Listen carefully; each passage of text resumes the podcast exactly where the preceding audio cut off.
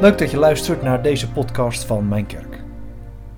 In deze aflevering van Om Liefde spreek ik met dichter en theoloog Huub Oosterhuis over het ontstaan van een vernieuwingsbeweging onder gelovigen en kerken in de jaren 60. Hij was toen, als dertiger, veertiger in die tijd, daar een van de leiders van en hij vertelt hoe hij tot die vernieuwingen kwam en wat dat met taal, muziek en het godsbeeld uit de Bijbel te maken heeft. Hij begint met het vertellen over zijn rooms-katholieke achtergrond. Ik ben van katholieke huizen en mijn cultuur, mijn jeugd, is natuurlijk helemaal gevormd ook door die katholieke kerk. En uh, eind jaren zestig uh, was er in Nederland een, een hele hevige, intense beweging naar vernieuwing. En dat leverde ook ongelooflijke conflicten op, want het centrale gezag in Rome wilde helemaal geen vernieuwing. En heeft uh, Nederland, uh, ik zou bijna zeggen, gestraft met, uh, met, met bisschoppen die alles veroordeelden wat nieuw was. Ook het gesprek niet aan konden en wilden. Dus er is toen een enorme leegloop geweest. En heel veel mensen hebben hun geloof, ja, verloren of uh, in ieder geval niet meer kunnen vormgeven in de bestaande kerken. Van een onvoltooid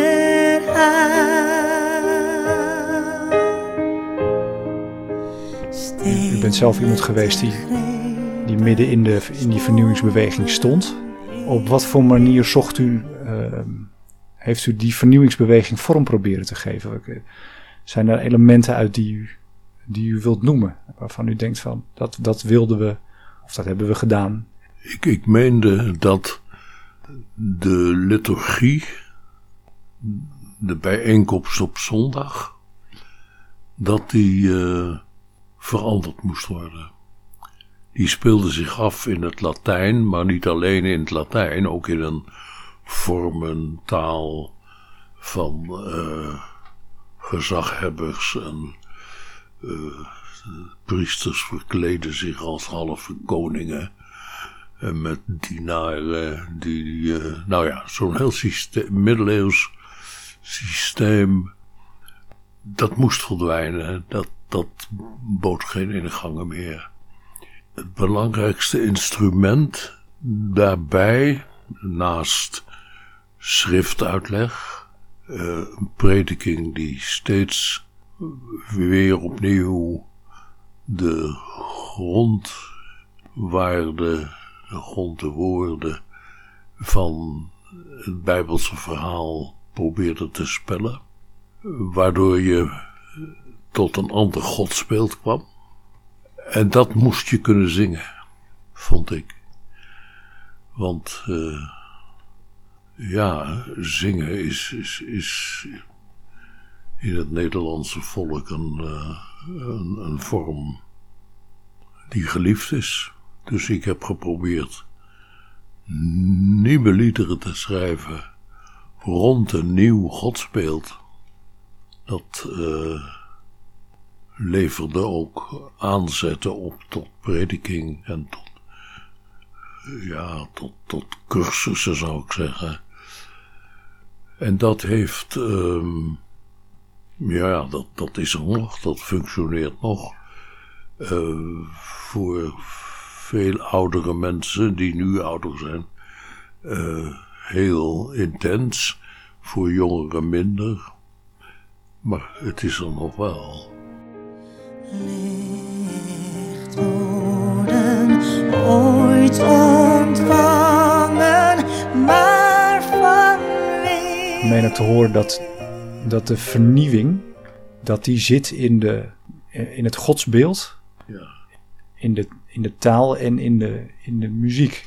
Een, een woord als almachtig, hè? Ik, ik denk dat ik het nog weet wanneer ik voor het eerst dacht dat woord is geen Bijbels woord. Dat is een Grieks woord. De God van de Bijbel is helemaal niet almachtig. Die uh, is net zo machtig als mensen goed zijn. Nou ja, zulke inzichten die je opdoet, opdelft uit de tekst van, van, van de Joodse Bijbel. En de manier waarop die Joodse Bijbel in het Jodendom zelf ook gebruikt en gelezen en geïnterpreteerd is, dat heeft een hele grote invloed gehad. Ik, uh, ik heb Joodse leermeesters gehad die, uh, die heel beslissend waren voor me. Maar het begint bij eenvoudige dingen. Een woord als almachtig. Het woord Heer alleen al ook, hè? Uitgesproken meestal als Heere.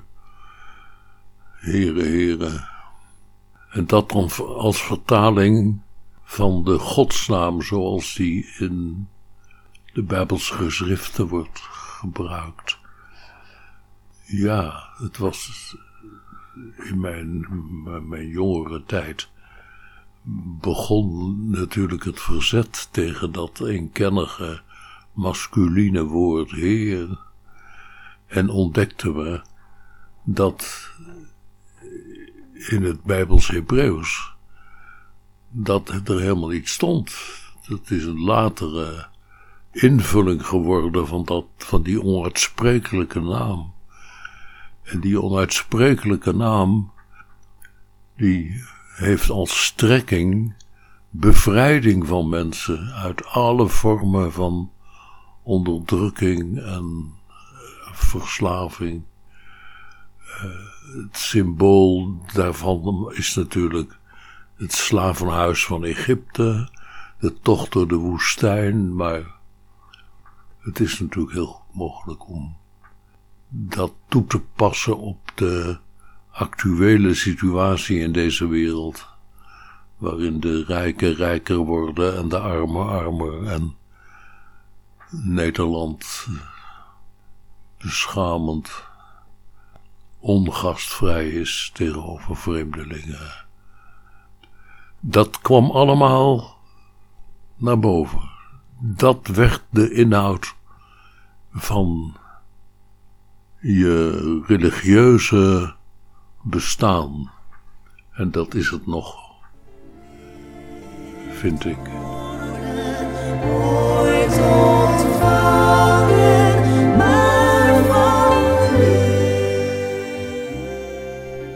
De God die in de Bijbel de God wordt genoemd, is een bevrijder. God bevrijder. En de strekking is opstand tegen alle verhoudingen waarin een mens geknecht en vernederd wordt.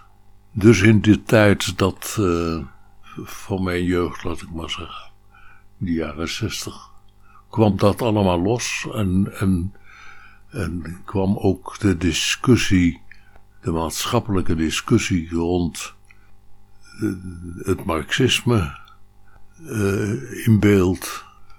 Wij vonden toen dat je als aanhanger van het Bijbelse verhaal uh, een gelouterde Marxist moest zijn.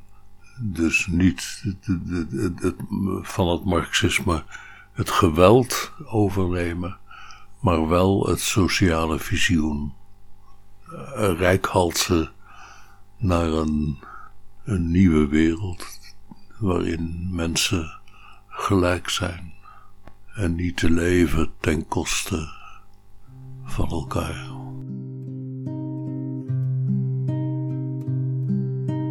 Waar je bent geboren en getogen.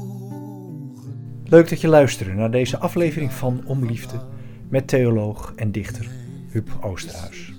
Voor meer podcasts, vlogs en blogs, kijk op www.mijnkerk.nl of vind ons op Facebook of Instagram. Bedankt voor het luisteren en tot een volgende uitzending. Handen af, zingt mijn geweten. Laat ze blijven, laat ze blijven.